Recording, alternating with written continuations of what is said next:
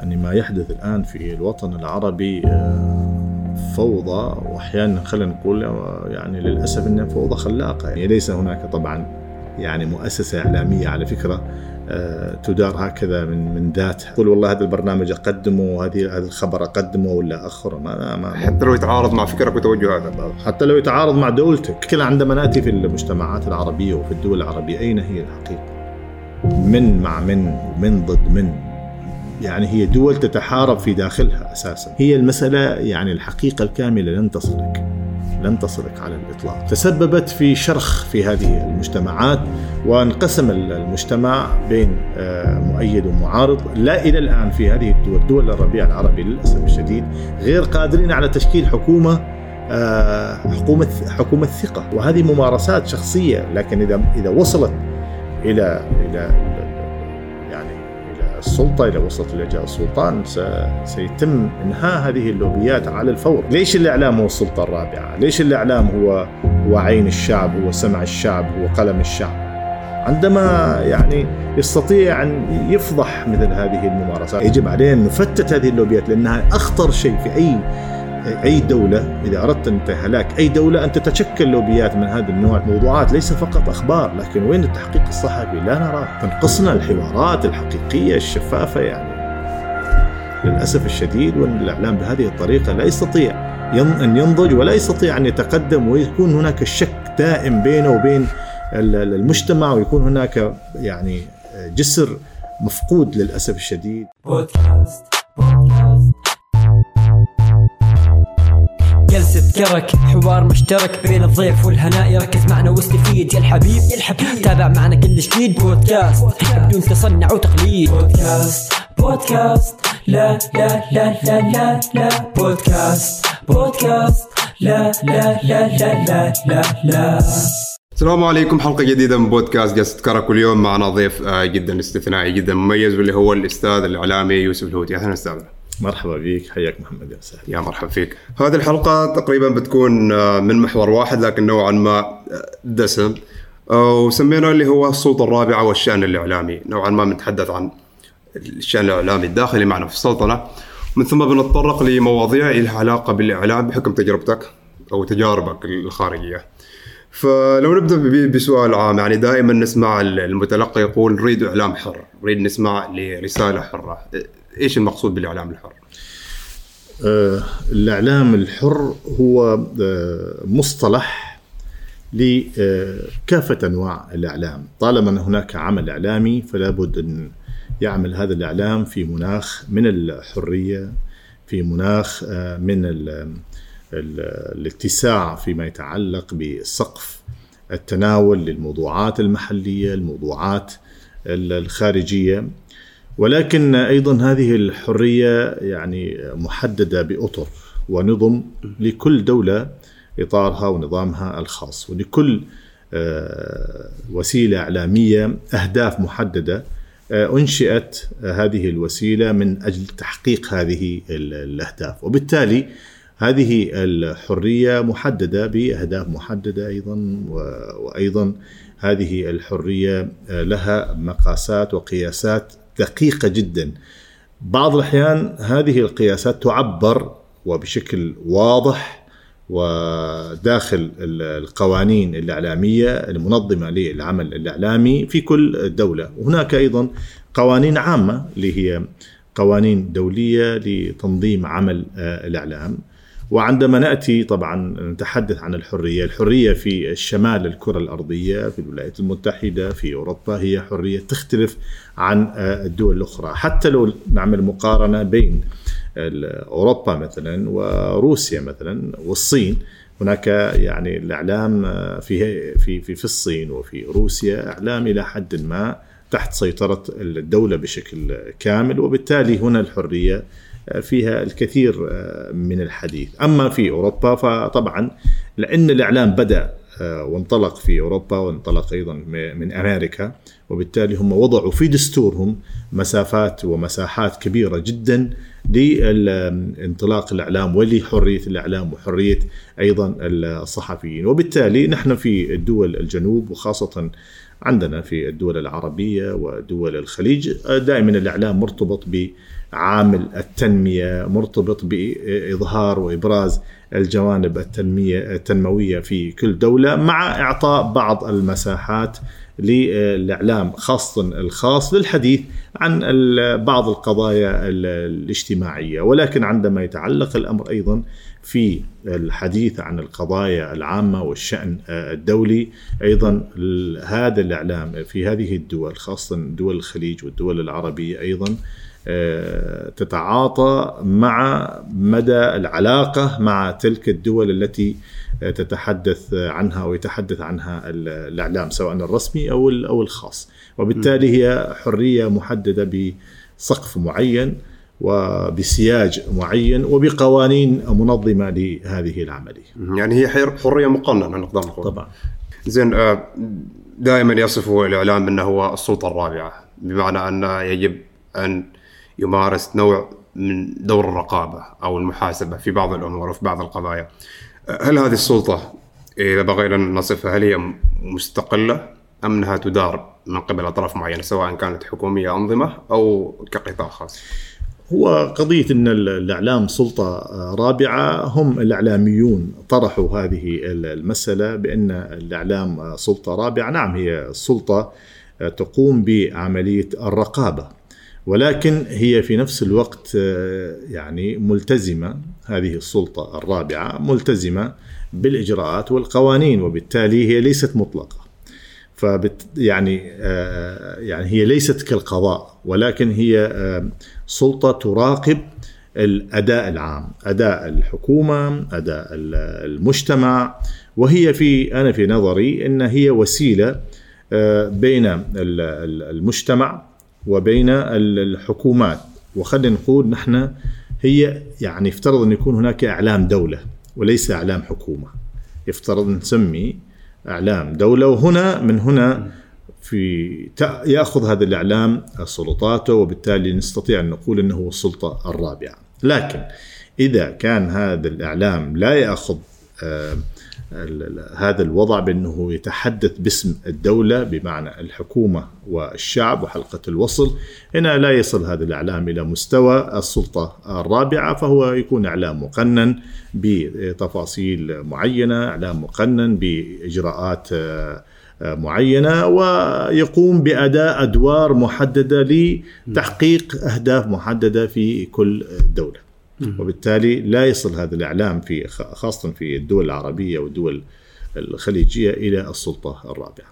فقط هو إعلام. إعلام يقوم بأداء أدوار لنقل المعلومات، لنقل المعرفة بأنواعها يعني الاقتصادية والسياسية وإلى ما ذلك ولكن أن يكون في مستوى القضاء أو الأدوات التنفيذية كالحكومة لا لا يستطيع أن يصل الإعلام في دولنا.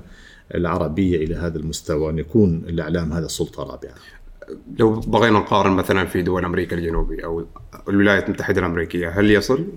أمريكا الجنوبية طبعا لا يعني أمريكا الجنوبية إلى حد ما بنفس حالنا نحن إذا إذا استثنينا البرازيل أما بالنسبة لأمريكا الشمالية نعم هناك الإعلام يقوم بدوره الحقيقي كسلطة رابعة عندما نأتي يعني من الذي اثر في الانتخابات الأمريكية الأخيرة وما الذي اثر في إن لا يحصل ترامب على الرئاسة أو يصل إلى سدة الرئاسة. هو الإعلام القنوات الإعلامية. لكن هذه القنوات الإعلامية والصحف الأمريكية وحتى وسائل التواصل والمواقع كتويتر وغير ذلك يعني الإعلام الحديث هذه كانت تعمل من أجل مصلحة الولايات المتحدة. بمعنى أن يجب الحفاظ على الديمقراطية الولايات المتحدة يجب أن تكون الولايات المتحدة أيضا دولة لها سمعتها العالمية وبالتالي هم وجدوا أن ترامب لا يحقق هذه الأهداف هو عنده توجهات من أجل تحقيق يعني هدف هو يردده هو أن أمريكا أولا وبالتالي هذا يكون على حساب الدول الأخرى وأيضا يعني أن يمارس الابتزاز. هذا ما لم يقبله الكثير من الأمريكيين وبالتالي الشارع الأمريكي استطاع يعني استطاع الإعلام أن يستنهض الشارع الأمريكي وبالتالي فاز بايدن. ليس لأنه يعني الأفضل من حيث الأداء وأيضا يعني من حيث السن والقدرات ولكن آه، أنه يحقق للأهداف الأمريكية اللي هي القائمة على الحفاظ على الدستور الأمريكي والحفاظ على ديمقراطية الولايات المتحدة، نعم في الولايات المتحدة في أوروبا الإعلام يعمل بشكل قوي جدا وأنه هو سلطة رابعة يحقق مصلحة المجتمع. وأيضا يدير قضايا الحكومة والدولة بشكل عام من خلال توصيل المعلومة. ولكن هذا الإعلام هو دقيق للغاية يصل إلى المعلومات بكل سهولة. ليس هناك حجاب بين الإعلام في هذه الدول والوصول إلى المعلومات. وبالعكس عندما يعني يصل هذا الإعلام آه، في الولايات المتحدة وفي آه، أوروبا ودول الشمال يستطيع قلب الأنظمة. يستطيع إسقاط الحكومات هذا هذا هذا الإعلام. وإسقاط يعني آخر آخر ما رأيناه هو إسقاط ترامب رئيس الولايات المتحدة. وبالتالي لم يستطع أن يحظى بفترة رئاسية آه، ثانية. زين لو بغينا ننتقل لنقطة أخرى آه، إذا قدرنا نصف أن الإعلام سواء الرسمي الحكومي أو حتى الخاص هو ممول من بالتأكيد مصادر نفوذ سواء كانوا رجال أعمال أو حتى الحكومة أو السلطة.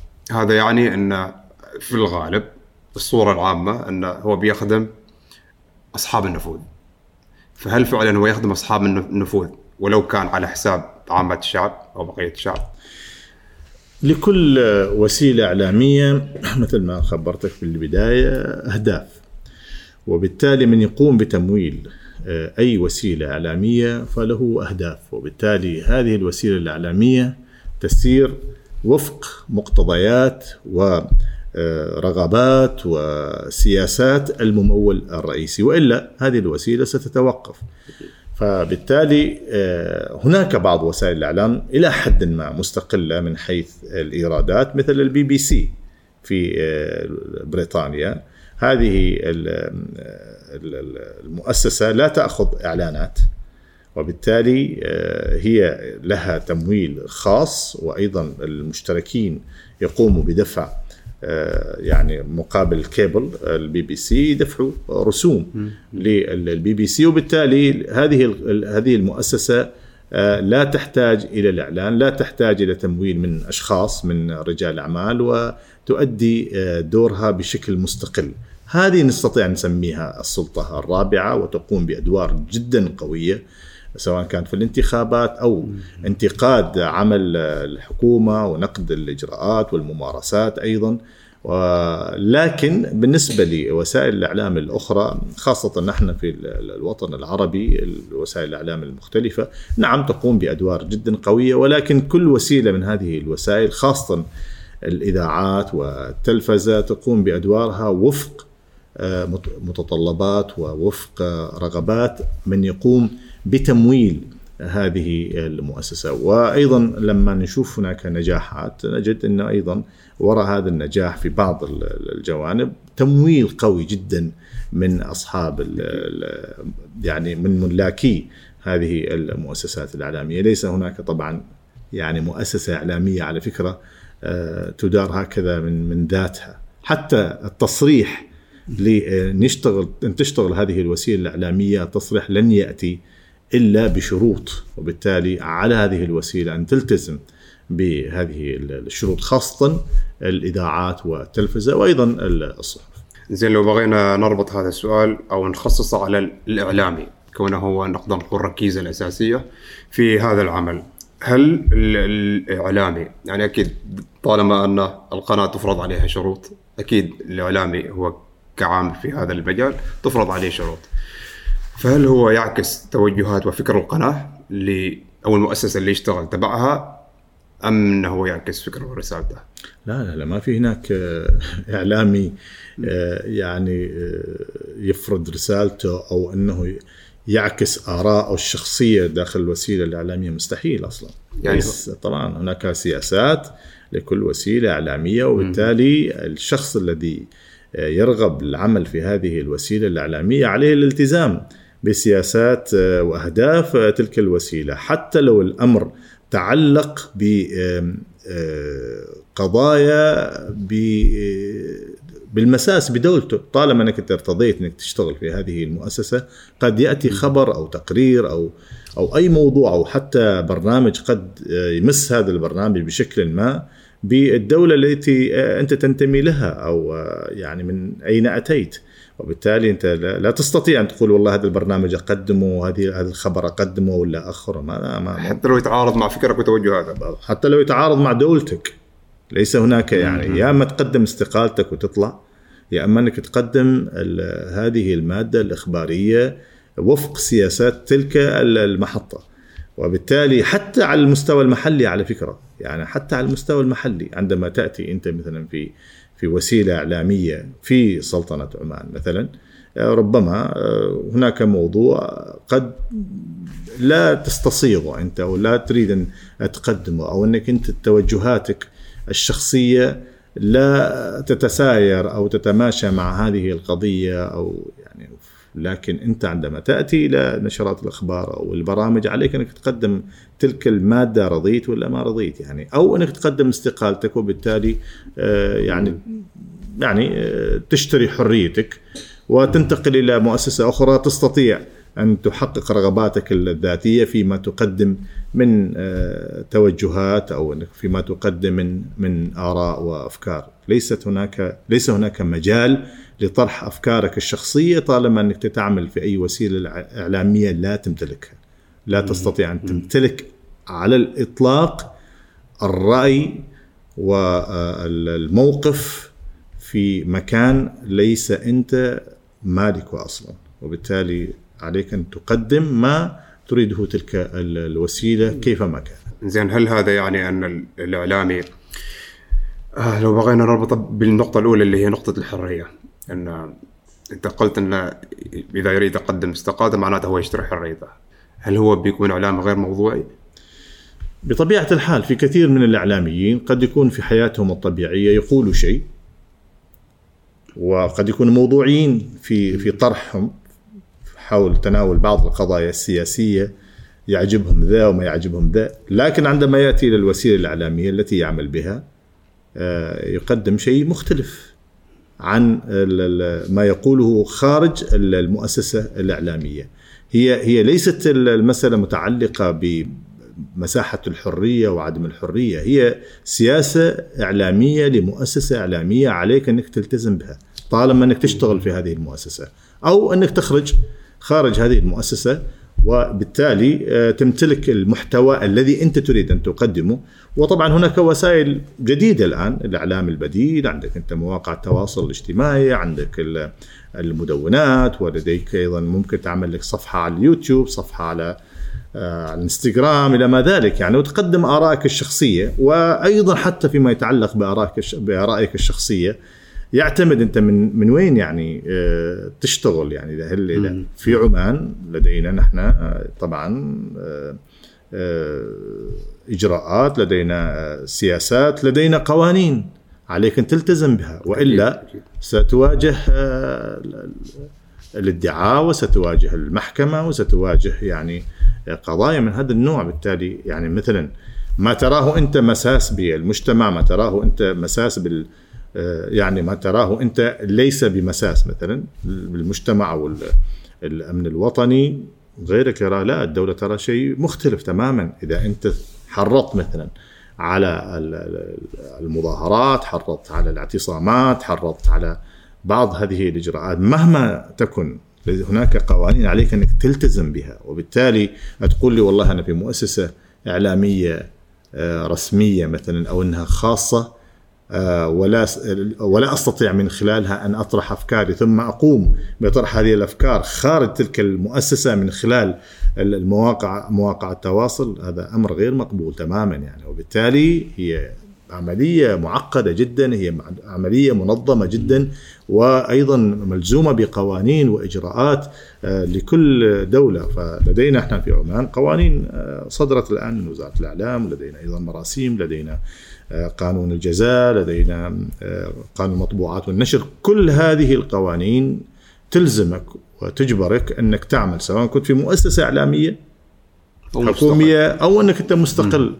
لا تستطيع أن تقدم أي شيء هكذا هباء يعني. لابد أن يكون وفق إجراءات محددة تستطيع أن تقدم. نعم الرسالة الإعلامية ولكن وفق حدود. لكن أنك إذا تخطيت تلك الحدود وقمت بمهاجمة المجتمع أو مهاجمة أشخاص معينين يستطيعوا هم يذهبوا إلى الادعاء وبالتالي الشخص هذا يروح للتحقيق. يعني هي المسألة هيك بهذه الطريقة.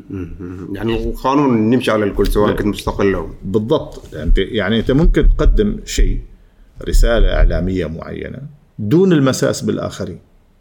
وبالتالي هذه لها طرق ولها أساليب والإنسان يتعلم هذه طبعا أكيد يعني معظم الصحفيين يدركوا هذه المسألة وبالتالي الذين لديهم خبرة سواء كانوا في مؤسساتهم الإعلامية أو من خلال تغريدة على صفحاتهم هم يعلموا ماذا يقولون وماذا يكتبون وماذا آه، يقدمون صوتا وصورة. تعرف أستاذي البعض يعني يعني أحيانا نشوف مثلا تغريدة معينة في نفس الموضوع بس صاحبها ما يتحاسب مثلا بس في نفس ال... في الجانب الآخر تغريدة لشخص آخر. الأسلوب في الطرح يختلف لكن لو بغينا نقيس هم نفس نفس الأفكار. يعني هل تعتقد أن لو بغينا يعني نسقط هذا المثال على الوسط الإعلامي أن الأسلوب في الطرح مثلا بعض أسلوبه صدامي البعض أسلوبه مثلا آه، استفزازي هل الأسلوب يعمل فرق كبير أم طبعا أكيد لأنه في نهاية الأمر أنت تريد أن تطرح مسألة نقدية.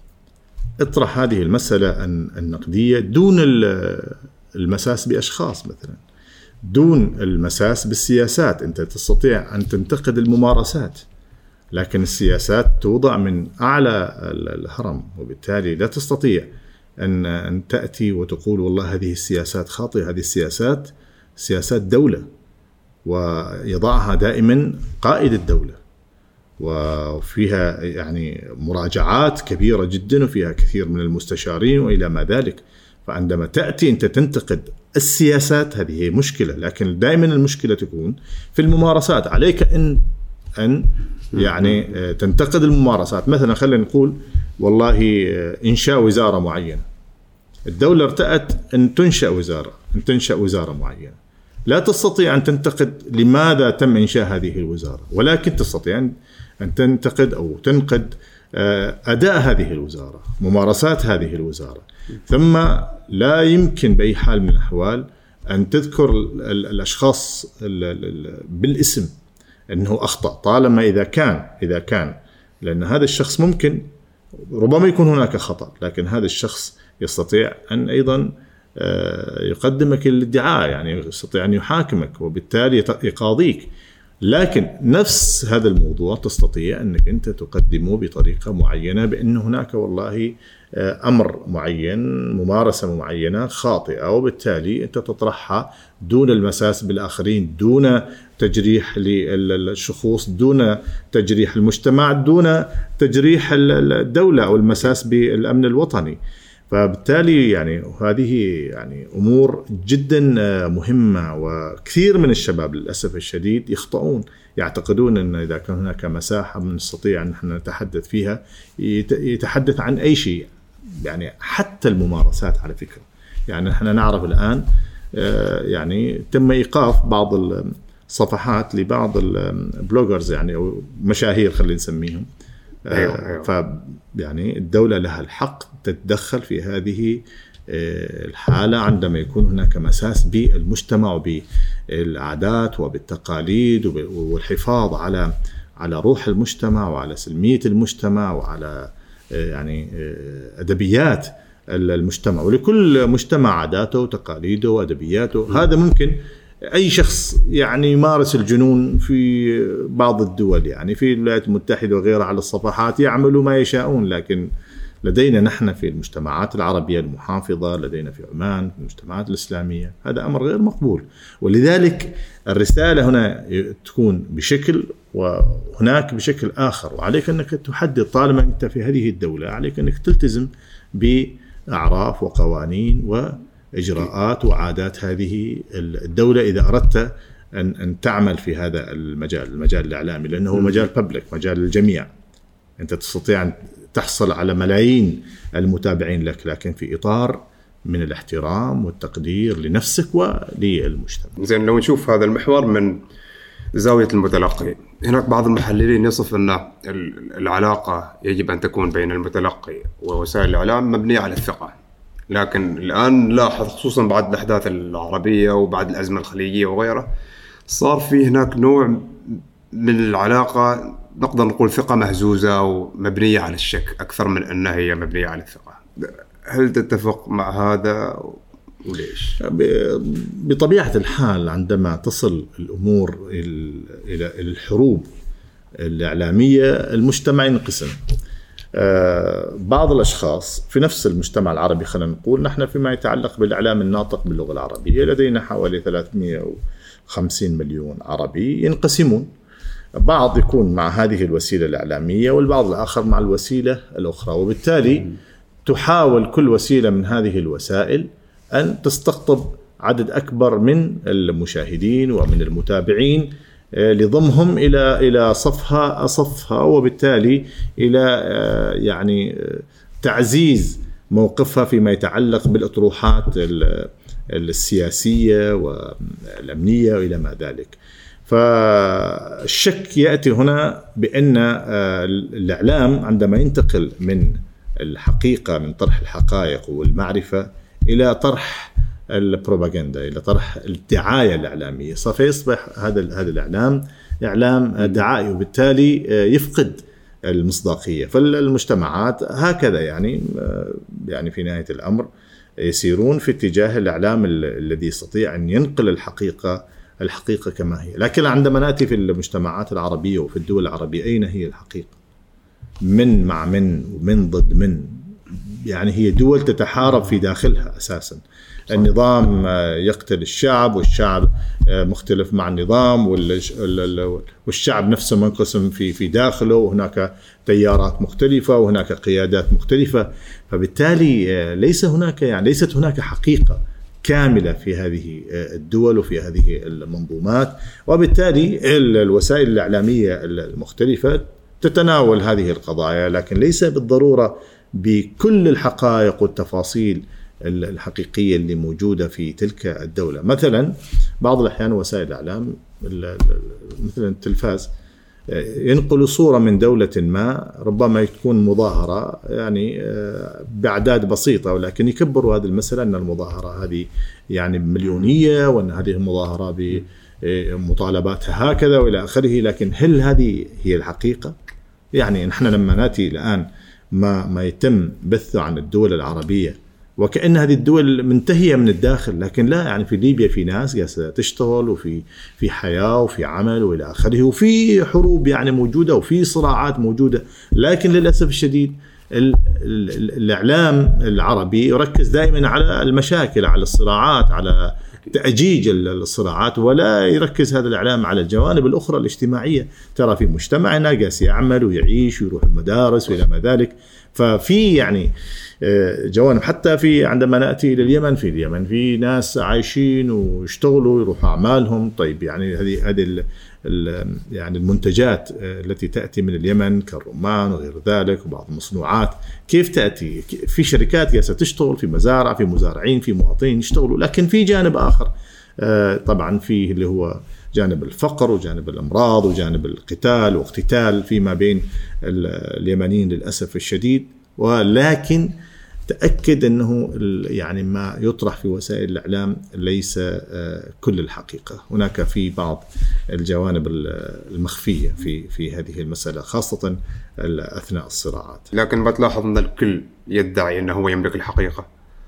بطبيعة الحال لأن انه كل طرف يريد أن يعزز موقفه وبالتالي جذب آه، الرأي العام إلى إلى إلى ما يراه هو هو الصح. وبالتالي هذه المساله يعني يعني مطروحة ومسألة يعني آه، آه، ليست فيها أي مشكلة. طالما أن هناك صراع بين طرفين كل طرف يريد أن يقدم معلومات ويعزز وجهة نظره. والطرف الآخر أيضا وبالتالي على المجتمع أن يختار. ماذا ماذا يعني يريد أن يشاهد ماذا يريد أن يسمع. لكن اليوم أنت يعني وسائل الإعلام التقليدية اللي هي الإذاعة والتلفزيون والصحف ليست وحدها في في المجتمع. أحيانا المعلومة تأتي من خلال آه، وسائل التواصل بالسرعة ال- يعني أكثر حتى من يعني مع الحدث مع وقوع الحدث تصل تصل المعلومة. لكن هذه المعلومة التي تأتي من الأشخاص أو التي تأتي من بعض ال- آه، يعني لديهم يعني فولورز مثلا في تويتر وغير ذلك هذه الأشخاص أيضا لا تستطيع أن تثق فيهم. يعني بعض الأحيان هذا يتم شرائهم. إذا وصل شخص إلى والله آه، مليون آه، آه، متابع على تويتر مثلا تل- تلقى دولة معينة أو جهة معينة أو منظومة معينة أو تنظيم معين يأخذ هذا الشخص وهو يعني في نهاية الأمر المسألة أخذ وعطاء فلوس وتدفع له إلى آخره. ويقوم هذا أيضا بإعطاء معلومات وتدليس الحقائق وهكذا يعني. هي المسألة يعني الحقيقة الكاملة لن تصلك لن تصلك على الإطلاق. حتى في الإعلام الرسمي وفي الإعلام الحكومي في كثير من من الدول لا تصل أنت إلى الحقيقة الكاملة. ولكن على الأقل خذ نصف الحقيقة ومن ثم تتبع آه، يعني بقية المعلومات حول الحقائق المطروحة أو حول المعلومات المطروحة للوصول إلى الحقيقة الكاملة. بالضبط يعني نقدر نقول إن الدور المتبقي عليك أنت كمتلقي كمتلقي واليوم يعني طبعا المجتمعات متعلمة وبالتالي تستطيع آه، تميز. يعني أن. تميز مم. وين ال- ال- المعلومة الصحيحة وين المعلومة الخاطئة وأيضا بالتالي تبني آه، آرائها وتبني مواقفها من منطلق معلوماتها الشخصية زين آه، في مصطلح يتكرر دائما في اللي هو منصات التواصل الاجتماعي اللي هو إعلام النظام. إيش المقصود بإعلام النظام؟ وهل هو يعني يقصد به إعلام الحكومة مثلا؟ هو إعلام النظام دائما هو إعلام الحكومة نعم. في يعني معظم الحكومات لديها وسائل اعلام آه، هي صوتها آه، تقوم بنشر المعلومات الخاصة التي تريد الحكومة نشرها. وأيضا هذه ال- ال- الوسائل تقوم بأدوار مختلفة يعني إعطاء الأخبار الخاصة بالدولة وأيضا فيما يتعلق بالترفيه وبجوانب قضايا الشباب طرح المسائل المختلفة ولكن من من وجهة نظر حكومية صرفة. حتى نشرة الأخبار تكون نشرة ماذا تريد أن تقدم الحكومة للناس. وبالتالي نعم مقسمة بين الأخبار المحلية وأخبار آه، الإنجازات وبين الأخبار أيضا الخارجية والتي هي تأتي آه، في بعض وسائل الإعلام هكذا من غير تدخل كما يأتي الخبر من وكالات الأنباء وتعمل لها مقارنة وتقول وكالة الأنباء يعني تطرح وتنشر الأخبار اللي تأتي من وكالات الأنباء ال- المختلفة. وطبعا آه، معظم دول العالم العالم الثالث يعني الحكومات آه، لديها آه، وسائلها الخاصة آه، الرسمية. إلى جانب قد تكون هناك قنوات آه، خاصة وبعض الدول لديها أيضا قنوات مهاجرة خارج الحدود. وبالتالي هذه القنوات المهاجرة كأنها مستقلة ولكنها ليست مستقلة هي تابعة أيضا أكيد. لتلك الدولة أو هذه الدولة. فإذا المسألة هكذا مربوطة بشبكة من من المصالح خاصة فيما يتعلق بالإعلام الرسمي. هل هل ممكن آه، أن نطلق على الإعلام في السلطنة؟ إعلام مؤسسات أم إعلام شخوص؟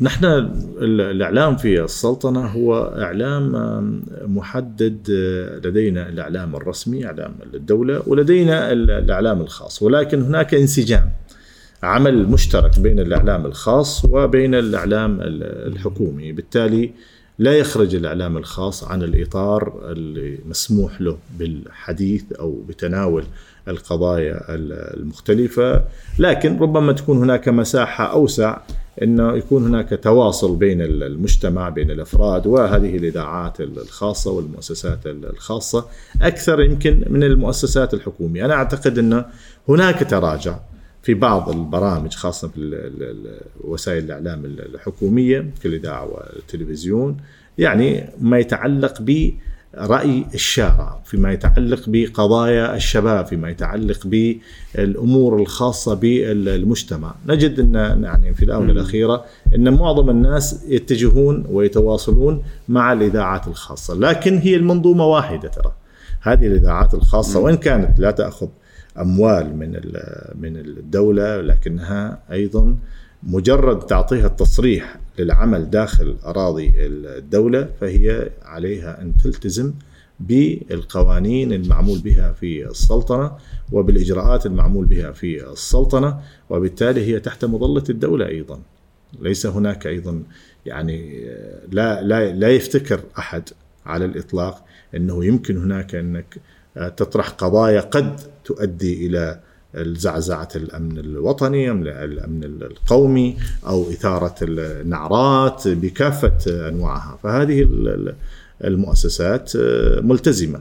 لكن لما نأتي هناك مقالات مثلا قد تكتب داخل الصحف الخاصة لا يعني لا تبث أو لا تعرض أو لا يعني تنشر في الجريدة الرسمية أو جريدة عمان مثلا. فبالتالي لكل صحيفة سياستها ولكل مؤسسة إعلامية سياستها الخاصة يعني. ولكن الكل تحت مظلة الدولة. okay okay. آه، أستاذ يوسف تذكرت أن في هناك تراجع. آه، في تراجع في الإعلام الرسمي، إحنا في حلقة من الحلقات آه، استضفنا اللي هو الدكتور محمد اليحيائي إعلامي وكاتب. ذكر أنه في الثمانينات كان البرنامج الإذاعي اللي المباشر في عمان. البث المباشر. البث المباشر كان الأول في الخليج من ناحية القوة والطرف وغيره. بعدين شفنا إن في تراجع إلى التسعينات كان بعده في قوة في الطرح الآن في هذه الفترة نلاحظ نفس ما ذكرت إن في تراجع. وهذا ملاحظ طبعا. وإن الإذاعات الخاصة بمختلف أشكالها تفوقت أو تصدرت المشهد. إيش السبب يعني؟ السبب أحيانا يكون آه، من من السياسات المتبعة داخل المؤسسة الرسمية. يعني آه، المسؤول الأول على المؤسسة الرسمية يرى بأنه الوقت آه، يتطلب الآن التقليل من طرح هذه المواضيع المحلية مواضيع المجتمع خاصة ما يتعلق بالمتطلبات. متطلبات الشباب موضوع الباحثين عن عمل موضوع آه، المسرحين إلى ما ذلك لأن هذه قد تثير هذه مسائل قد تثير الشارع مثلا آه، بشكل أو آخر وتعمل نوع من الزعزعة في في العلاقة يعني بين المجتمع والحكومة. آه، قد يرى المسؤول ذلك وقد يكون محق في هذا الأمر وقد يكون خاطئ ولكن هي المسألة قد يعني أنا أقول لك بين هذا وذا. المؤسسات الخاصة أيضا آه، تريد أن تبني لنفسها مكانة. هي هذه المكانة آه، لا تأتي إلا من خلال القرب والتقارب آه، مع المجتمع وطرح قضايا المجتمع بشكل متسع أكثر للوصول أيضا إلى المعلن. عندما يعني تذهب إلى المعلن هذه المؤسسات قائمة على الإعلان يعني وعلى الدفوعات المعلنين. فهذه المؤسسة عندما آه، تطرح نفسها والله أنا عندي آه، متابعين بنصف مليون مثلا أو 700 ألف لبرنامج معين هذا البرنامج دائما يحظى ب آه، يعني حجم أكبر من الإعلانات. وهكذا يعني. لكن أنا يعني أريد أن أقول انه هناك سياسات طبعا لهذه المسألة في شد وجذب في اتساع في بعض الأوقات. يعني نحن في الثمانينات فعلا كان لدينا يعني برامج جدا قوية. أيضا حتى في في الألفية آه، بعد 2012 آه، بعد آه، الأحداث بعد الربيع العربي كانت عندنا أيضا برامج عندنا مثلا قضية اليوم في نشرات الأخبار. قضية اليوم كانت فقرة ثابتة في نشرات الأخبار في تلفزيون سلطنة عمان. هذه القضية قضية اليوم الآن تراجعت يعني أو اختفت تماما يعني. لنفس السبب اللي ذكرته قبل أو؟ ربما لأن هي في نهاية في نهاية الأمر هي هي سياسات.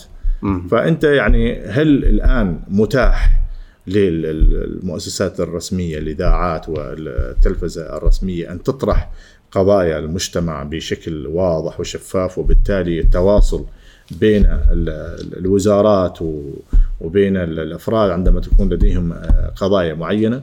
ف وعلى فكرة خلينا نقول ليست كل القضايا أحيانا آه، تطرح للأسف الشديد من الأفراد أو من المجتمع إنها تكون حقيقية، أحيانا للأسف الشديد بعض المذيعين وبعض الإعلاميين يتعاطفوا مع موضوع ليست لديهم دراية كاملة مع هذه المسألة.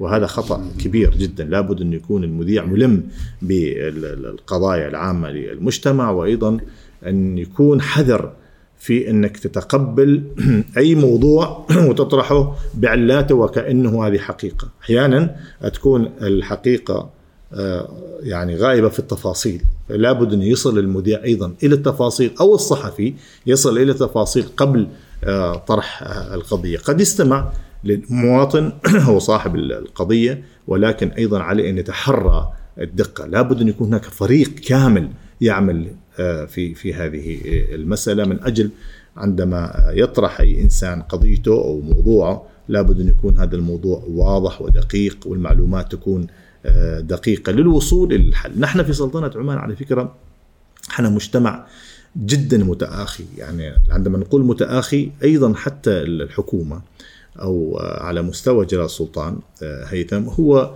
آه، لصيق مع الناس هو يعرف الناس يعرف قضايا الناس هو مؤسس آه، رؤية عمان 2040 وبالتالي هذا هذه الرؤية أتت من المجتمع نفسه. وبالتالي يعني ليس بغريب عن قضايا الناس. الدولة ليست بغريبة عن قضايا الناس الحكومة ليست غريبة بقضايا الناس. ولكن نحن نقول نحن عمر هذه الحكومة الآن سنة. أنا أعتقد أن سيكون هناك تحول وتغيير كبير في الإعلام الرسمي العماني لأنه المجتمع نفسه يتغير وأنا أعتقد أن المرحلة القادمة هي ستكون هي مرحلة بناء على كافة المستويات على مستوى الاقتصاد على مستوى الطرح السياسي على مستوى المشاركة الشعبية في صنع القرار على مستوى الإعلام أيضا. إذا لم يكن هناك إعلام يقود هذه الرؤية بكافة آه، جوانبها فلن نصل إلى النجاح. لابد أن يكون هناك إعلام وإعلام يعني جدا قوي وقادر لطرح الموضوعات وإقناع الناس بالمساهمه آه، ومساندة مشروعات الحكومة وإجراءاتها. وإن كانت في بعض الأحيان تكون إجراءات قاسية لكن نحن نراها قاسية في المرحلة الحالية. ولكن لابد للإعلام انه آه، يطرح الأمر على انه هناك مستقبل قادم ويوضح هذه الأمور بكل التفاصيل ولابد أن يكون آه، جميع المسؤولين بلا استثناء خاصة آه، وزارات الخدمات أن يكونوا في يعني في مقابلات دائمة سواء مع الصحافة أو مع الإذاعات أو مع القنوات التلفزيونية. وخاصة إذا أردنا إنجاح برامج القنوات الرسمية الاذاعيه والتلفزيونية لابد أن تكون هناك مشاركة من أعضاء الحكومة في هذه البرامج لإعطائها المصداقية وإنجاح المؤسسات الحكومية الرسمية. آه، أستاذ يوسف تذكرت انه آه، أنت متفائل انه بيكون في تغيير زين لكن أنا أتصور انه على أساس أن نشوف التغير الحقيقي يجب أن تتغير العقليات المشرفة على هذا الإعلام. يعني هل تتصور انه ممكن نشوف تغير إذا كانت هي نفسها العقليات السابقة أو التوجهات السابقة؟ شوف يعني خلينا نقول نحن كانت هناك توجه بنشيل العقليات السابقة. أوكي. طيب راحوا. العقليات السابقة الآن يعني خلينا نقول أنتم الشباب تريدوا عقليات جديدة. طيب الآن العقليات كلها جديدة. كل من أكمل 30 سنة هو الآن في في حالة تقاعد صح؟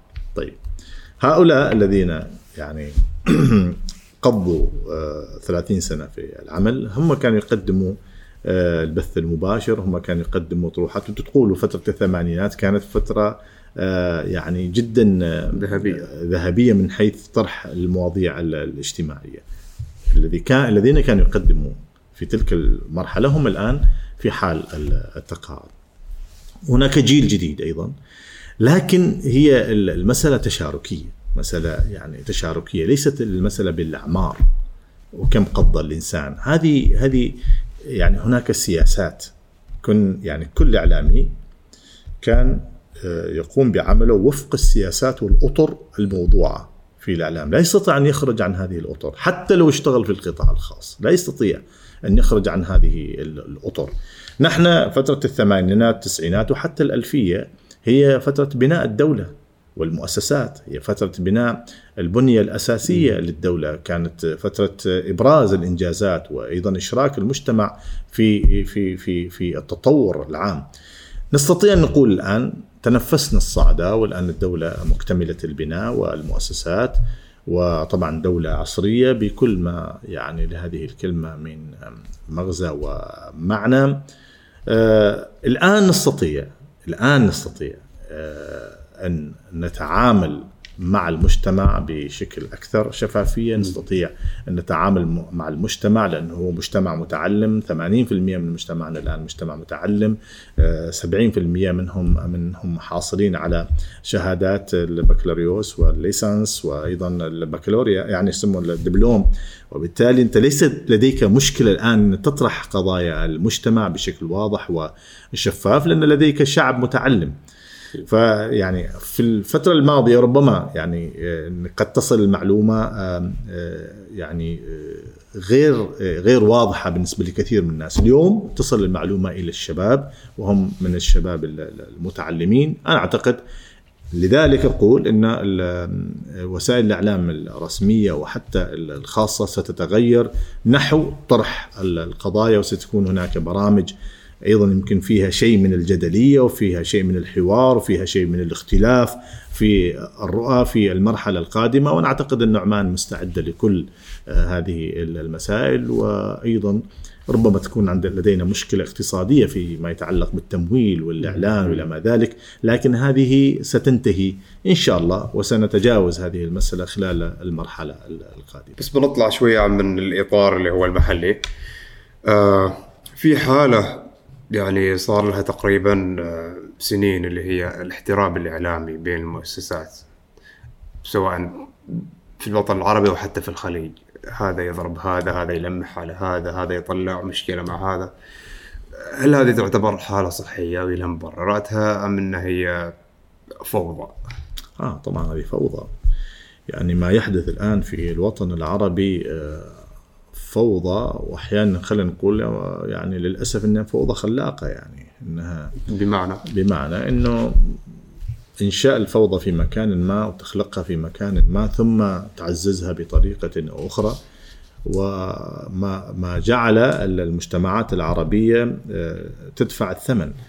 الشعوب العربية خرجت إلى الشارع أمور وحقائق يعني كانت قائمة والاحتياجات آه، شبابية فيما يتعلق بالعمل فرصة المشاركة في صنع القرار إلى ما ذلك. خاصة الكثير من الشباب تعلموا خارج دولهم.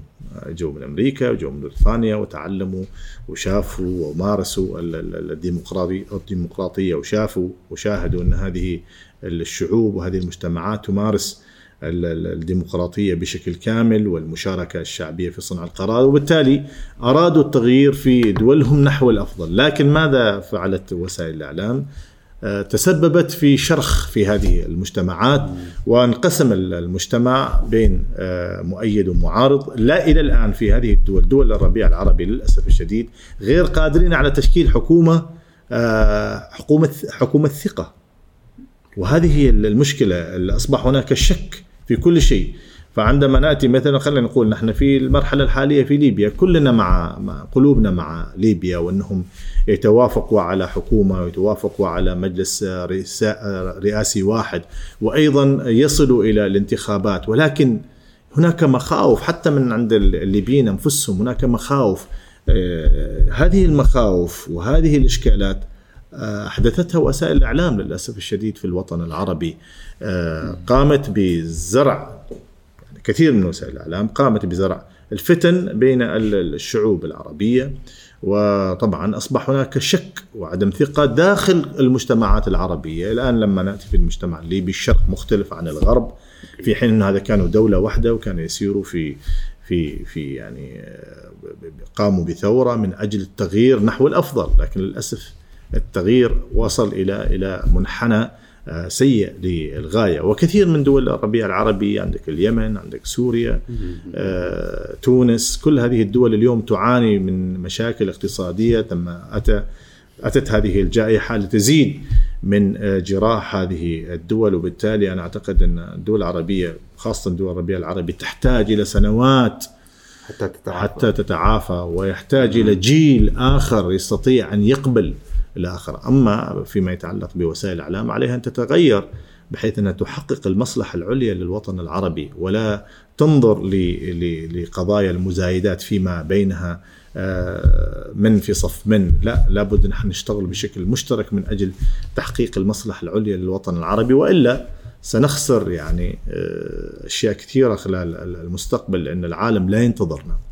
العالم لا ينتظرنا وبالتالي يعني نعم أنا أعتقد أن وسائل الإعلام سواء الخاصة أو ال- ال- الحكومية عليها أن تتغير تتغير بما يعني آه، تحقق يعني مصالح الناس مصالح هذه الشعوب خاصة جيل الشباب. أكيد. أنت أستاذ ذكرت أن هي وسائل الإعلام عملت نفس الشر هل هذا متعمد؟ أم هو مثلا بدأ كتعزيز لا. من ثم هي صراعات بين دول. هذه الصراعات الإعلام آه، تنقلها إلى ساحات أخرى. يعني اليوم الحرب الموجودة الآن في الوطن العربي هي حرب إعلام.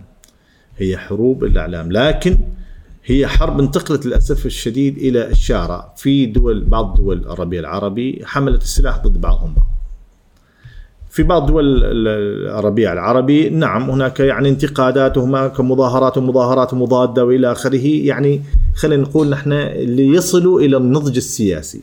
أنا أعتقد إن نحن يعني الربيع العربي أتى ب ب يعني كان خيرا في مبادئه وفي أهدافه، الشباب الذين خرجوا إلى الشارع كانوا جدا خيرين، كانوا مطالبهم حقيقية، لكن للأسف الشديد من اقتنص هذه الفرصة ومن ركب الموجة فيما بعد أراد السلطة. هؤلاء يريدون السلطة وهؤلاء يريدون السلطة ومد- ومدعومين بإعلام من هنا وهنا وثم الصراع أصبح على الساحات ال- المختلفة، فبالتالي هناك احتراب الدول فيما بينها، هذه الدول لا تتحارب في حقيقة الأمر بالسلاح ولكن تتحارب من خلال وسائل الإعلام. تتحارب أين؟ في هذه المواقع المختلفة. طرف مع ذا وطرف مع هذا. وللأسف مثل ما قلت لك الذي يدفع الثمن هم الشعوب العربية. بما أنك ذكرت اللي هو أحداث 2011 أذكر في أحد المقاطع في اليوتيوب أنت كنت تتكلم في ساحة الشعب. ذكرت اللي هو آه، زيارة المسؤول الإسرائيلي عام 1996 الفكرة من من من من ذكر هذا المثال اللي هو أن أنت ما كان عندك علم. كان كان 95 95 95 انت ما كان عندك علم بهذه الزيارة لكن اللي اتضح لي إنه ما كان فيه تكامل في الرسالة الإعلامية. مثلا جهة معينة مع جهة معينة يتم التنسيق بحيث انه أنت كمسؤول في الأخبار يكون عندك خبر معين. هو هل تعتقد اسمح نعم، لي اكمل هل تعتقد إن هذا هذا النوع من عدم التكامليه للآن موجود أم إنه نوعا ما تلاشى؟ ربما كان آه، في تضارب في المعلومات وفي نفس الوقت في الأدوار. أنا في ذلك الوقت كنت مراسل لقناة الام بي سي في عمان وكنت في نفس الوقت مدير الأخبار. الآن عندما تمت هذه الزيارة، الزيارة أعلنت هي زيارة رابين بيريز إلى السلطنة ولقائهما مع المغفور له جلال السلطان قابوس ذلك الوقت أنا من خلال قناعاتي كمراسل للام بي سي ومن خلال تناول الإذاعات الإسرائيلية والتلفزيون الإسرائيلي للزيارة وجدت أنه من الواجب أن نستخدم وسيلة من الوسائل الإعلامية الكبيرة. ام بي سي كانت من أهم الوسائل العربية. أن أطرح وجهة نظر السلطنة بحيث أني أفند أن هذه الزيارة لم تأتي هكذا لأن إن جاء سلطان قابوس آه الله يرحمه أو أن السلطنة تريد أن تستفرد بعلاقات مع إسرائيل على حساب الدول العربية وعلى حساب القضية الفلسطينية. الفكرة ان إن سلطان عندما استقبل الله يرحمه عندما استقبل آه رابين آه بيريز لتحقيق أهداف الفلسطينيين لأن الاتفاقيات قد تمت بين مصر وإسرائيل بين الأردن وإسرائيل وبين الفلسطينيين وإسرائيل. ف يعني السلطنة أرادت أن تعزز هذه الاتفاقيات بحيث أن يحقق الفلسطينيون آنذاك آه، استرجاع أراضيهم أراضي ال 67 وإقامة دولتهم المستقلة. ومن هذا الباب من هذا المنطلق قمت أنا بتفنيد المسألة للام بي سي وللمشاهد العربي بأن عمان تقوم بواجبها آه، من هذه الناحية ولكن دون الإفراط بالأراضي المقدسة، دون الإفراط بالأرض الفلسطينية المحتلة، دون الإفراط بحق الفلسطينيين في العودة، دون الإفراط بحق الفلسطينيين في إقامة دولتهم المستقلة. هذه كانت وجهة نظر على إني إعلامي عماني ولكن أيضا أنا مراسل الأم بي سي، لكن أيضا الإشكالية كانت إني أنا مدير الأخبار وبالتالي وصلت المعلومة إلي. آه، صحيح إن لم لم يتم إبلاغي إن كان هذا الخبر يبث أو لا يبث لكن كان من الواجب علي أنا في ذاك الوقت إني أيضا آه، يعني أستشير أستشير المسؤولين إذا كان هذا الخبر ممكن نحن نبثه ولا لا. ولكن أنا أخذتني الحماسة في ذاك يعني ذاك الوقت. كنت شاب صغير في عمري يعني ووجدت إني علي الدفاع آه، عن موقف جاء سلطان وليس هناك وقت إنك انت تستشير. قد إذا استشرت مسؤول الوزير أو الوكيل قد يقول لك لا تطلع مثلا على الهواء. لكن أنا في داخلي أريد إني أنا يعني مؤيد آه، لفكرة استقبال جاء سلطان الوفد الإسرائيلي لأن هذه تلك الفترة كانت فترة ذهبية فيما يتعلق بالمفاوضات بين الفلسطينيين والإسرائيليين والوصول إلى الدولة الفلسطينية. فيعني أنا كنت يعني يعني السلطنه موقفها دائما الحوار هو الأساس في تحقيق السلام، الحوار هو الأساس في يعني الوصول إلى الأهداف وبالتالي نحن كجيل تعلمنا وتربينا على فكر جلال السلطان قابوس طيب الله ثراه بأننا يعني نفضل ونعزز لغة الحوار عن لغة الاحترام وهذه هي كانت الفكرة ومن هذا المنطلق أنا يعني طلعت على قناة الإم بي سي كمراسل لتبرير هذه الزيارة يعني تبرير استقبال جلال السلطان الله يرحمه للوفد الإسرائيلي. لو رجع الزمن بتتخذ نفس القرار؟ نعم نعم أنا أنا يعني وخرجت على عندما آه، زار نتنياهو السلطنة طلعت على جميع القنوات وخاصة العربية وطلعت على قناة البي بي سي وأيضا بررت هذا هذا الموقف لأن نحن في نهاية الأمر آه، يعني لسنا بس فقط كموظفين إحنا إعلاميين الدولة وبالتالي عندما تقوم آه، السلطنة بأي موقف فهو موقف آه، نحن نعرفه ودارسينه تماما كيف ما كانت. هناك طبعا في ناس ضد التطبيع في ناس ضد زيارة نتنياهو. هذا شأنهم لكن أنا كإعلامي لمعلومات أخرى ولتفاصيل أخرى وأصل إلى المعلومات بشكل مختلف تماما وأنا لازم أكون مع موقف دولتي مهما كانت يعني. وأنا عارف أن مواقف عمان دائما هي مواقف مشرف مشرفة وبالتالي نعم في أي من هذه القضايا ساظهر على القنوات الفضائية وأيد أي موقف كان لجلال السلطان قابوس طيب الله ثراه. وفي هذه المرحلة لجلال السلطان هيثم الله يحفظه. طبعا وهذا هو الموقف العماني دائما موقف مشرف في القضايا العربية. زين آه في هناك نوع من الطرح ما ما متأكد إذا هو صحيح أم لا لكن البعض يصف أنه في الوسط الإعلامي ان في نوع من اللوبيات. هم كلهم وحدة واحدة لكن في داخلها لوبيات بمعنى أن أنا ممكن أسند هذا الخبر لهذه المجموعة أو انه هذا المشروع لهذه المجموعة، هل هذه الظاهرة صحيحة؟ تقصد في السلطنة؟ في السلطنة في السلطنة لا لا إحنا ما ما وصلنا إلى مرحلة اللوبيات طبعا، هذه هذه الدولة دولة يعني عصرية في مفهومها ودولة مقننة بقوانين وأطر حتى لو صارت لوبيات هذه يكون على مستوى أفراد وأشخاص. يعني أنا أبغى فلان ما أبغى فلان لكن على مستوى الرسمي لا هذه الدولة دولة يعني قائمه على أسس وعلى سياسات وعلى نضج آه، فكري عظيم جدا وكبير. يعني فهي دولة حضارية وانبنت على هذا الأساس. فجاء السلطان قابوس أسس دولة عصرية بكل المفاهيم دولة مؤسسات وبالتالي يعني اللوبيات غير مسموح لها لكن اللوبيات اللي تتحدث عنها قد تكون بين بعض الأفراد. وهذه ممارسات شخصية لكن اذا إذا وصلت إلى إلى يعني إلى السلطة إذا وصلت إلى السلطان سيتم إنهاء هذه اللوبيات على الفور.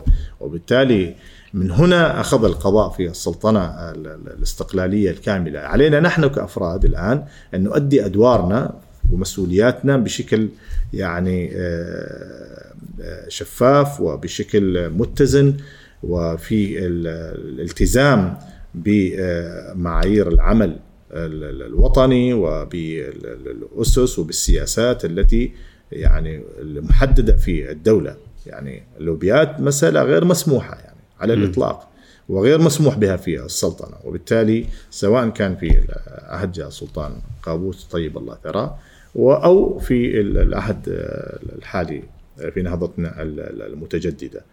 لكن إذا يعني حتى أنتم كإعلاميين عندما تجدوا أن هناك والله لوبيات في أي من المؤسسات عليكم تطرحوا هذا هو الإعلام. ليش الإعلام هو السلطة الرابعة؟ ليش الإعلام هو هو عين الشعب هو سمع الشعب هو قلم الشعب؟ عندما يعني يستطيع أن يفضح مثل هذه الممارسات ولكن بالمعلومات وبالحقائق لا نستطيع أن نأتي نقول والله في الوزارة الفلانية في لوبيات هكذا جزافا. عليك أن تصل إلى المعلومة. هذا هو الشغل الإعلامي أن يصل إلى المعلومة الحقيقية. هذا هو دور الإعلامي أن يقوم به إذا كان هناك والله أشخاص يريدون الاستفادة من معطيات معينة من أراضي من مش عارف إيش والى آخره مشكلين لوبيات فيما بينهم. يجب علينا أن نفتت هذه اللوبيات لأنها أخطر شيء في أي أي دولة إذا أردت انت هلاك أي دولة ان تتشكل لوبيات من هذا النوع لأن هذه تحقق مكاسب شخصية لنفسها هذه اللوبيات ولا تحقق المصلحة العليا للدولة. وأنا أعتقد أن اللوبيات هي مساس بالأمن الوطني مساس بالأمن القومي لأي دولة. ونحن في عمان غير مسموح أن تتشكل لوبيات مهما كانت. في هنا اللي هو نوع من المراقبة والمتابعة ل طريقة سرد الأخبار أو العمل الإخباري. البعض يقول إنه آه، لا زال العمل أو سرد الخبر يكون هو بطريقة سردية فقط بعيدا عن التقييم. هل نحن لا نزال نعوم في هذه المرحلة؟ يعني بعيد عن تقييم عن دخول لتفاصيل أيوة، وحقائق الخبر. مثلا. يعني ويعتمد إن ترى تعرف الأخبار أنواع. عندما نأتي مثلا في خبر خلينا نقول نحن يعني جلال السلطان يستقبل آه، مسؤول معين من خارج الدولة أو من داخل الدولة. هناك سياق معين للخبر. هذا الخبر تأخذه كما يأتي بيان من ديوان البلد السلطاني حول هذا الخبر. عليك أنك لا تدخل في التفاصيل التي تبحث عنها. التفاصيل تأتي فيما بعد من خلال المعلومات التي ترد فيما بعد. ممكن وسائل الإعلام ساعتها تتحدث عن يعني أنا أتي بعض الأحيان يكون في معلومات من خلال البيان أجد مثلا أثير يتناول ويدخل في التفاصيل بعد الحصول على معلومات معينة أو مرسوم سلطاني حول مسألة معينة مثلا أو قضية معينة أو أو تشكيل هيئة أو مؤسسة ثم تأتي آه، مؤسسات إعلامية بشرح يعني آه، فحوى المرسوم أو التفاصيل داخل هذا المرسوم لكن وفق معطيات ومعلومات حقيقية. يعني وهذا هذا دور الوسائل الإعلام للوصول إلى المعلومات. وبالتالي آه، طبعا هناك الخبر أنواع لكن عندما نأتي إلى خبر يعني حادث معين يعني لا سمح الله سرقة أو يعني حادث ابتزاز أو إلى ما ذلك لابد أن تعطي للخبر التفاصيل. هنا تعطي يعني تأتي بالتفاصيل. ليش؟ لأن لا يمكن تأتي تقول والله حصل موضوع كذا كذا لا تأتي يعني كيف حصل ولماذا هذا الأمر حصل وما هي الأدوات وإلى آخره. فيعني نحن نسميه في الإعلام الشقيقات الخمسة أو الست يعني ماذا ولماذا. فبالتالي هنا تدخل إلى التفاصيل وتعطي المشاهد يعني المعلومات الكافية عن الحدث الذي أنت تطرحه كمراسل إخباري مثلا أو كمحرر أو كصحفي.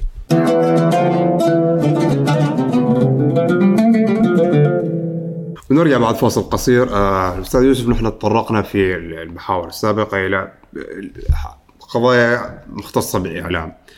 لكن هل هذا الإعلام يناقش قضايا الشباب يعني مثلا نحن كشباب تهمنا مثلا قضايا الباحثين عن العمل ورؤيتنا واحتياجاتنا، هل فعلا هو يطرحها أم ان أم إن هي مهمشة؟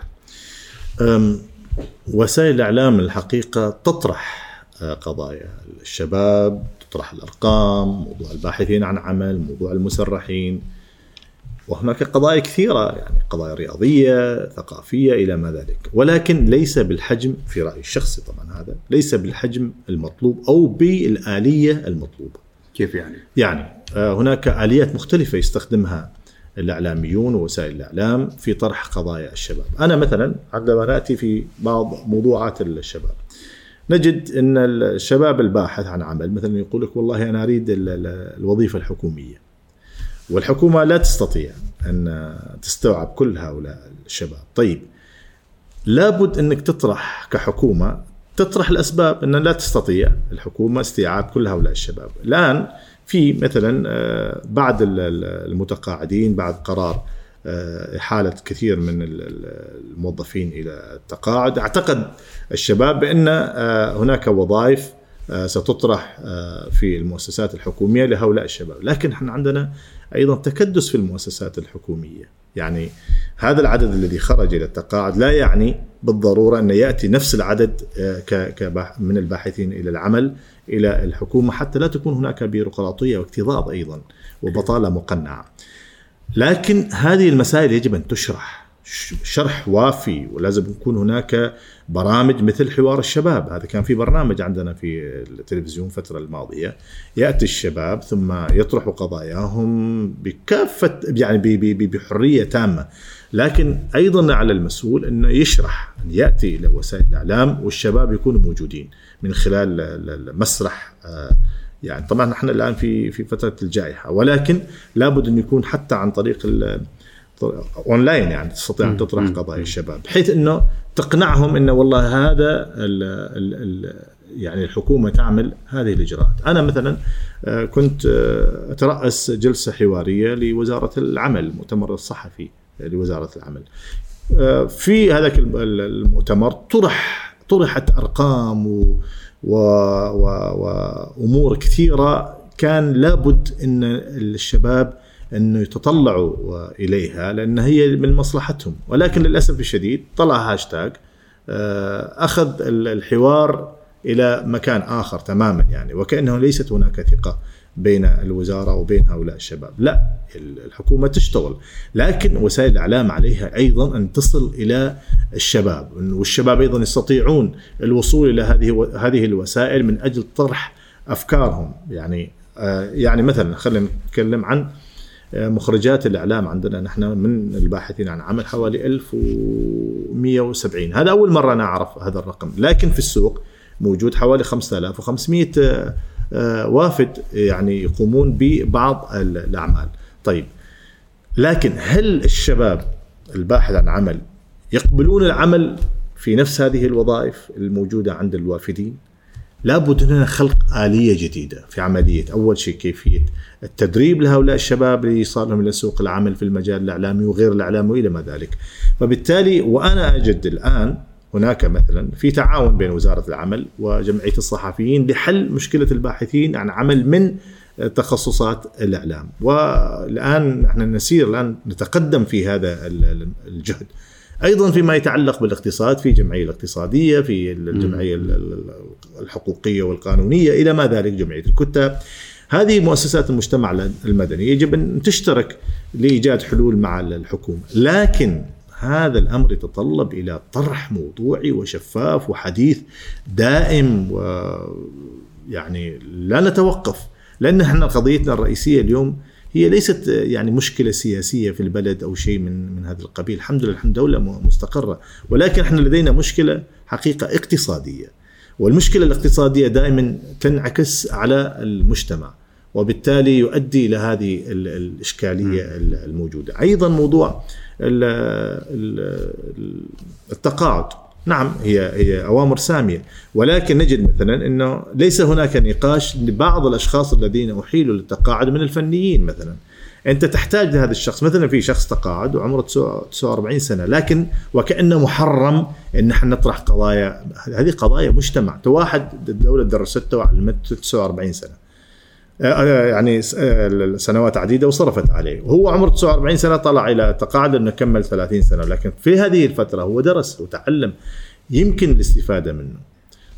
ممكن نوجه هؤلاء الشباب من خلال حوارات جادة وحقيقية ومشاركة القطاع الخاص إلى إنهم يعملوا في القطاع الخاص. ممكن يكونوا مسؤولين في القطاع الخاص ال- حتى في الشركات الحكومية. لكن طبعا هناك قرارات الآن إن الشركات الحكومية ما تأخذ المتقاعدين. هذه أمر علينا إحنا نلتزم به. لكن علينا أيضا الاستفادة من هذه الخبرات التي خرجت إلى سوق العمل.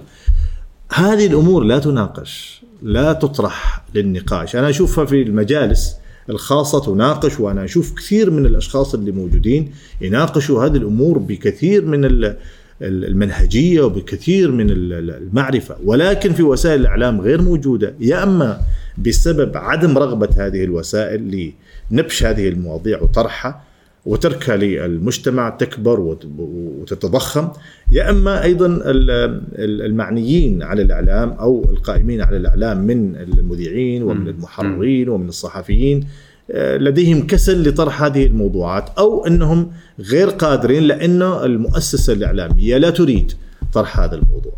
وأنا أرى أنه لا يجب أنه كل قضايا المجتمع خاصة التي قد تؤدي للأسف الشديد إلى بعض الإشكالات في الشارع لابد أنها تطرح ولابد أن يكون وسائل الإعلام سباقة إلى الحدث وتقود المجتمع إلى المعلومات إلى المعرفة. يعني ليست لدينا مشكلة كبيرة ترى على فكرة عندما نقول والله 35 ألف حتى لو إن شاء الله 60 ألف باحث عن عمل هذه ليست مشكلة في في عمان. صدقني نحن نقدر نتجاوز. نحن عندنا مليون وتسعمائة ألف وافد. في كثير من الوظائف أكثر من 200 300 ألف وظيفة موجودة الآن في سوق العمل. يستطيع العمانيون أن أن أن يحلوا محل هذه هؤلاء ال- الوافدين. يعني أيضا الإعلامي ليس بالضرورة نشتغل في مجال الإعلام، أنت ابدأ في في وظيفة معينة في مجال يكون قريب من من مهنتك مثلا ومن ثم تترقى إلى إلى إلى إلى, إلى جوانب أخرى، أنتم الآن كشباب عندكم أنتم عملتوا الان آه، محطة خاصة بكم الآن تعملوا المقابلات وأيضا نحن ك آه، كموجودين من العمانيين كمسؤولين سابقين إلى آخره. ندعمكم لأنكم أنتم كشباب. نأتي إلى برامجكم على أساس أن ندعم هذه المؤسسات ندعم هؤلاء الشباب. لكن لابد أن يكون هناك يعني طرح موضوعي حقيقي حواري. اشرك الشباب. اليوم المجتمع العماني 70% مجتمع شاب. بالتالي جع يعني دعهم يتحدثون دعهم يطرحون قضاياهم. ليس فقط في مواقع التواصل من ثم يعني عندما يخطئ ناخذه للتحقيق لا. اعطيه يعني آه، المساحة التي يستطيع أن يتحدث فيها في وسائل الإعلام المختلفة. وأيضا نحن من خلال الحوار الدائم والحوار البناء نبني نموذج للطرح الموضوعي. وهذا يخلق لدى الشباب معرفة وفكرة في كيفية طرح قضاياهم آه، في وسائل الإعلام وفي طرح قضاياهم للحكومة. بالعكس وهذا هذا هدفنا. إن إحنا جايين نتحاور عن قضايا وموضوعات نعتقد إنها كانت مهمشة نوعا ما في فترة من الفترات. وحتى مستقبلا مثلا بعد عشر سنوات أو 20 سنة إذا الله أحيانا إن نرجع لهذه القناة ونقول ترى في هذه الفترة من التاريخ هذه كانت همومنا مثلا أو هذه كانت بالضبط. أفكارنا. زين أستاذ يوسف أنت يعني ما شاء الله عندك تجارب محطات إعلامية سواء في الداخل وفي الخارج جدا كثيرة. أه، هل تقدر تقيم إيش ينقص إعلامنا الآن ينقص إعلامنا الآن هو ال- ال- الحوارات مع مع الشارع. ينقص إعلامنا طرح موضوعات الناس، طرح الموضوعات ال- ال- الحقيقية. نحن ليس لدينا ما نخجل أن نقدمه، يعني هذه هذه الدولة فيها كل شيء، كل ال- الخدمات متوفرة، التعليم، الصحة إلى ما ذلك، لكن هناك قضايا مجتمعية علينا أن آه، نطرحها. وبالتالي نحن ينقصنا آه، برامج كتلك التي يعني كانت في السابق البرامج الحوارية المباشرة سواء البث المباشر محتاجين إلى التحقيقات الصحفية، التحقيقات الصحفية غائبة. يعني نحن وكأن وسائل الإعلام ال- ال- الصحف ال- المقروءة مثلا إنها تراجعت تماما، يفترض إن هذا وقتها في إنها تطرح موضوعات ليس فقط أخبار لكن وين التحقيق الصحفي؟ لا نراه. نحن نشوف المقال الصحفي نعم موجود ولكن تحقيقات آه، يعني ما موجودة. وين الشباب الصحفيين اللي هم كانوا يقوموا بتحقيقات صحفية تغير من كثير من الأمور والدولة كانت تتخذ آه، إجراءات وقرارات آه، بعد نشر تحقيق صحفي معين؟ نحن لنا تجارب أنا شخصيا لي تجارب. فنحن نحتاج إلى إلى برامج، كانت هناك لدينا برامج مثل برنامج في دائرة الضوء، هذا البرنامج كان يروح إلى إلى الناس إلى بيوت الفقراء إلى الناس المعوزين المعاقين ويطرح البرنامج آه، هموم الناس. وكانت الدولة تتخذ إجراءات. يعني أنا ما أعرف ليش إنه نحن يعني نعتقد أنفسنا إن نحن يعني مثاليين في كل شيء وليست لدينا إشكالات وليست لدينا مشاكل. نحن دولة في نهاية الأمر. آه، على اتساعها لابد أن تكون هناك بعض الإشكالات هنا وهنا وبالتالي تطرح هذه الأمور. وعلى فكرة ترى الدولة قادرة على إيجاد الحلول ليست عاجزة ابدا يعني. لكن كوسائل إعلام يجب أن تؤدي دورها الحقيقي. أنا أعتقد أن إحنا نفتقد إلى إلى البرامج التي تطرح قضايا الناس. نعم بعض الإذاعات الخاصة آه، الآن تقوم بهذه الأدوار لكن غير عندما يعني تطرح هذا الأمر في التلفزيون الرسمي يعني تلفزيون الدولة. لأن هذه تلفزيون دولة في نهاية الأمر. كلنا شركاء في هذا التلفزيون. هي ليست تلفزيون حكومة. يعني التلفزيونات هذه تلفزيون الدولة الحكومة والمواطن والشعب كلهم شركاء في هذه في هذه القنوات والدولة تدفع عليها فلوس. بالملايين وبالتالي عليها من واجبات هذه القنوات الإذاعية والتلفزيونية الرسمية أن تقوم بواجبها نحو طرح قضايا الناس من خلال برامج رصينة وقوية وإلى آخره وشفافة. وإحنا لدينا شباب يعني ما شاء الله من المذيعين ومن المحررين ومن المعدين الرائعين جدا يستطيعوا تناول حتى ممكن الاستعانة بال بال بالإعلاميين القدامى الذين خرجوا للتقاعد لطرح هذه الموضوعات. ثم تسلم هذه البرامج لجيل الشباب. لكن فعلا يعني تنقصنا الحوارات الحقيقية الشفافة يعني للأسف الشديد وان الاعلام بهذه الطريقة لا يستطيع أن ينضج ولا يستطيع أن يتقدم ويكون هناك الشك دائم بينه وبين المجتمع ويكون هناك يعني جسر مفقود للأسف الشديد و, و يعني مسافة بعيدة جدا. وهذه هذه في محل الخطورة.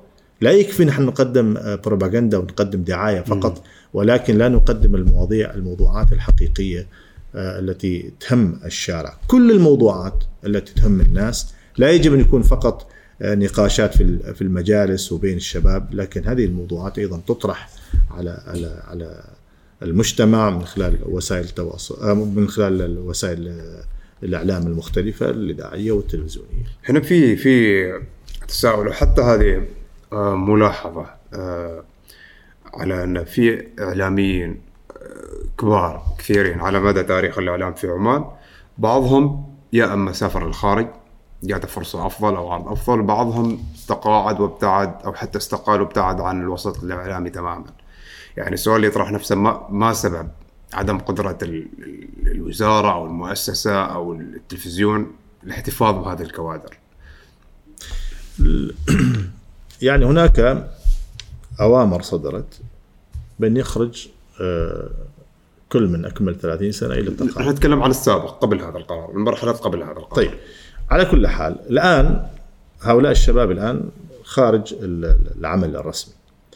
لكن أنا أعتقد إن يستطيعوا أيضا أن يوصلوا صوتهم إيصال صوتهم وآرائهم من خلال آه، الوسائل المختلفة من خلالكم أنتم من خلال أيضا الإذاعات الخاصة من خلال الصحافة الخاصة يعني أن يكونوا متواجدين خاصة من الإعلاميين. أيضا في كثير من الدول أنا مثلا البي بي سي إذاعة بي بي سي بالعربي سواء أو بالأجنبي ما زال من تقاعده الآن يعني يعملون في هذه المؤسسات بعقود لكن هذه أصوات لا تستطيع أن تفقدها هكذا بين عشية وضحاها.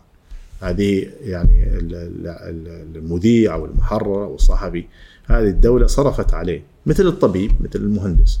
وبالتالي الاحتفاظ بهم لا, ليس بالضرورة إن من خلال العمل الدائم أو الراتب الدائم لكن ممكن تستعين بهم بحيث أنهم يكونوا هم نموذج لجيل الشباب وهم يقوموا به أيضا تدريب جيل الشباب على على على على كافة المستويات سواء الإذاعة والصحافة أو آه، التلفزيون. لكن أنا أنا ضد فكرة من يتقاعد ومن يخرج آه، من المؤسسة الإعلامية آه، هكذا يغيب عن الساحة تماما وبالتالي نفقد نحن عناصر جدا مهمة. في مجتمعنا كثير من الكتاب من الصحفيين الكبار الذين كانوا يعني آه، ينافسون الصحفيين يعني في الخليج وفي الدول العربية اين هم الآن؟ يعني يكتبون في مدوناتهم نعم لكن وين الأستاذ حمود السيابي؟ وين الأستاذ دياب صخر؟ أين يعني كل هؤلاء يعني أسماء وأسماء كبيرة جدا جدا جدا, جدا. فبالتالي هؤلاء يعني يعني كنز آه، في كل آه، دولة. وأيضا من الجيل الحالي الذين خرجوا إلى التقاعد في أسماء جدا كبيرة أنا أعتقد لابد أن تكون هناك أيضا وعاء آخر لاستقطاب هؤلاء المتقاعدين أو استقطاب الخبرات من أجل يعني إن إن العملية تسير وتكون هناك يعني يعني آه، جيل وراء جيل ويتعلم الجيل الحالي من الجيل الذي سبق وهكذا وبالتالي حتى فيما يتعلق في كثير من الباحثين أنا شفته في وسائل التواصل في تويتر بالتحديد انه ليش هذول جالسين على هذه الوظائف؟ يعني إلى إلى متى؟ ترى هذه وظائف مهنية يعني خلينا نقول نحن طبيب باحث عن عمل طبيب يعني ما في أطباء باحثين عن عمل لكن شاب يعني متخرج طب وفي طبيب آه، يعني جراح أو الدولة صرفت عليه مبالغ. يعني تخرج هذاك عشان تجيب هذا مكانه يعني ولا كيف؟ ما تستطيع.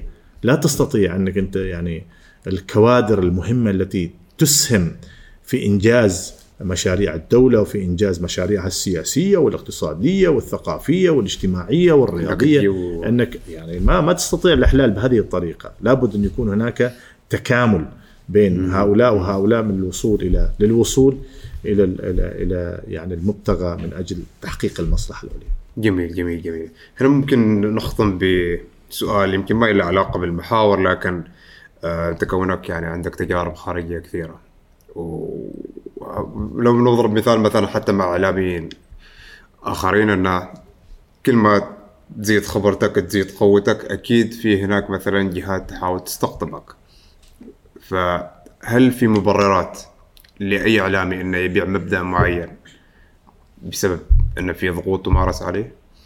شوف يعني أنا بعد خروجي للتقاعد جاتني عروض من الخارج لكن أنا لي توجه معين إنه آه، أشوف هذه القناة مثلا ولا هذه المؤسسة كيف تعمل؟ ما هي السياسات؟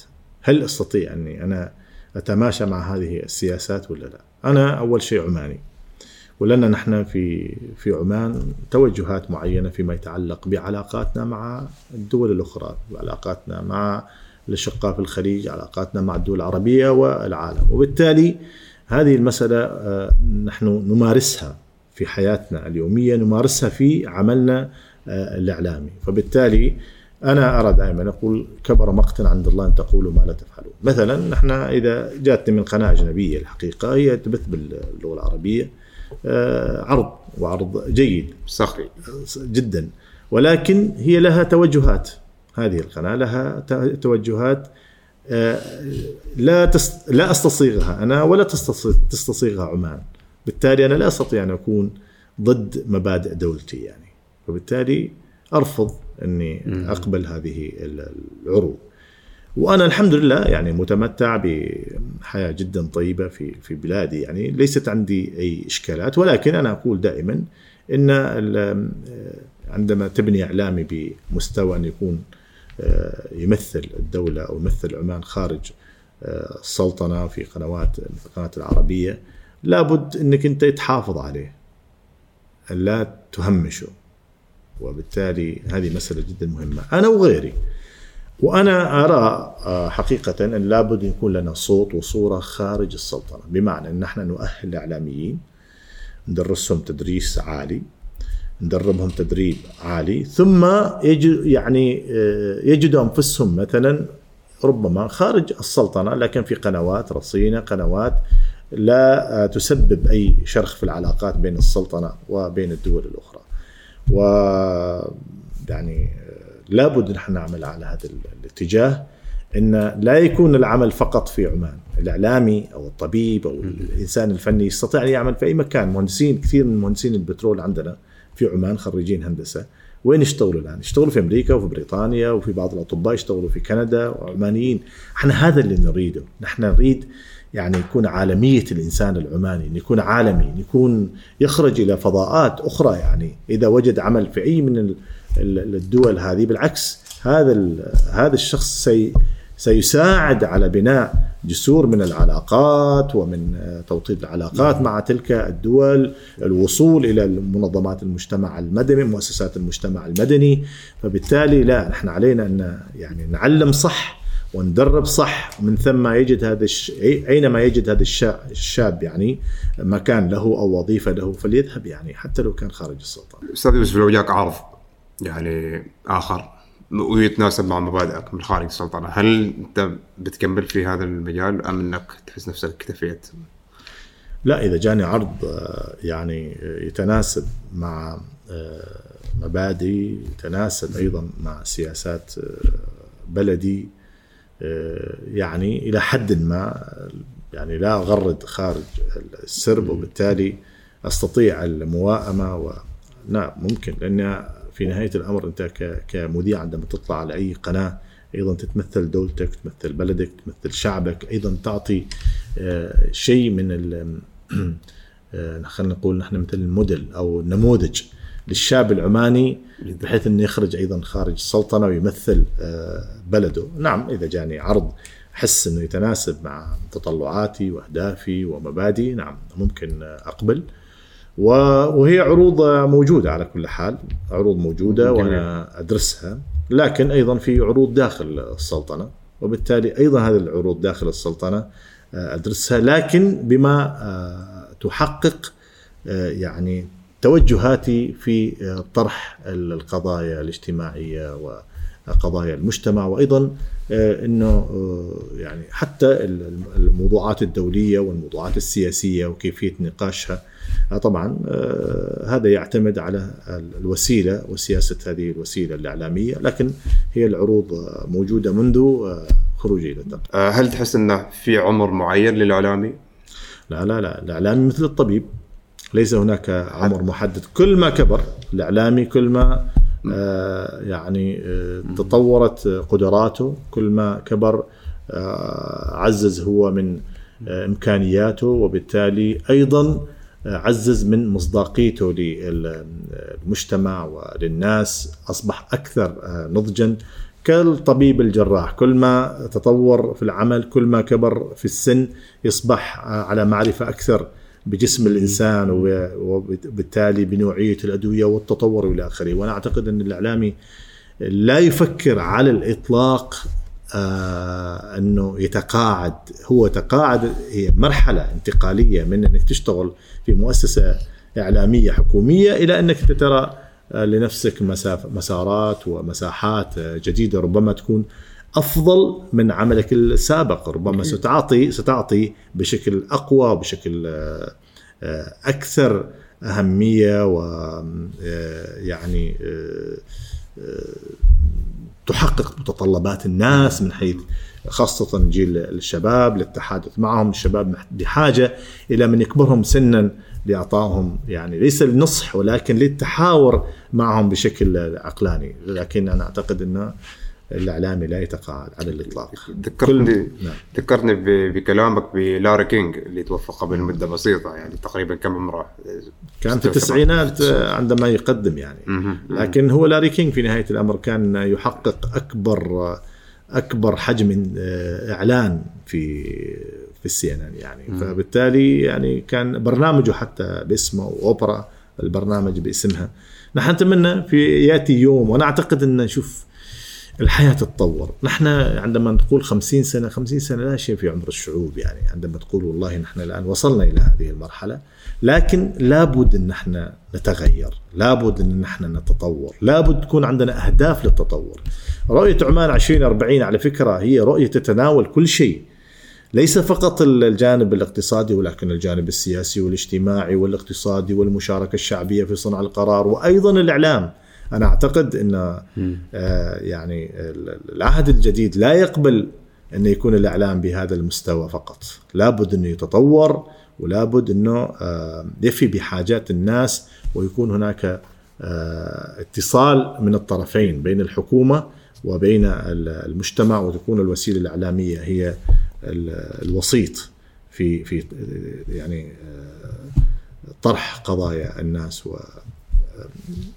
ومشاكلهم وهمومهم وأيضا تعزيز المنجزات في في, في الوطن. سيد يوسف الهوتي نورتنا وشرفتنا في جلسة كرك. رسالة أخيرة لمتابعين البرنامج.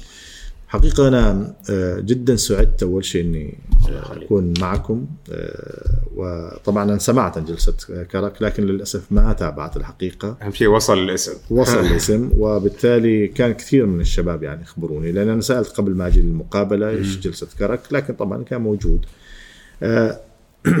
أنا أرى إنه مثل هؤلاء الشباب مثلكم مثلا عندما تأتون وتنشئون هذه المؤسسات هذه النوعية من المؤسسات هذه ستحقق النجاح في المستقبل. أنتم بديتوا شخصين ثم كبر المشروع. الآن تدخل يعني حوالي سبعة أشخاص الآن في هذا المشروع.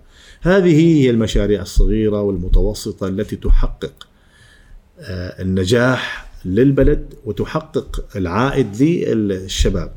فأنا أعتقد إنه أنتم الان تسيروا في المسار الصحيح وكثير من شبابنا الآن الحمد لله لا ينتظر الوظيفة ولكن هو يوجد لنفسه الوظيفة. فالأذكياء هم الذين يصلون في نهاية المطاف إلى النقطة الذي آه، يريدون الوصول إليها وربما يصعدون أيضا آه، القمم.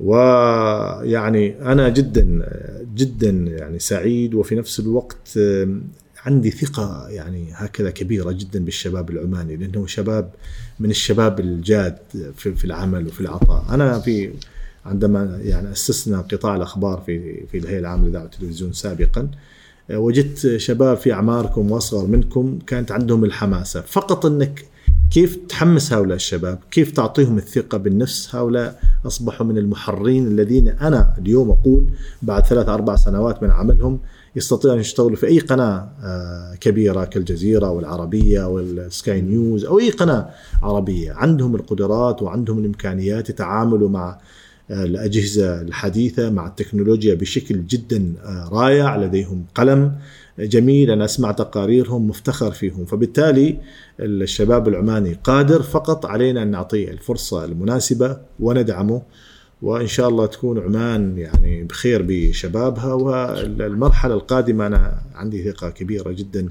هي إن شاء الله مرحلة إعادة بناء بعض الأشياء في الدولة وبالتالي يعني تحقيق آه، إنجازات على صعيد الموارد البشرية إن شاء الله. وبإذن الله عمان ستظل دائما هكذا يعني دولة متقدمة في كل شيء سواء على على مستوى المؤسسات المجتمع المدني المؤسسات الرسمية على مستوى صنع القرار على مستوى الاقتصاد على مستوى العلاقات الدولية والسياسية فهي دائما دولة عملاقة بإذن الله. وس...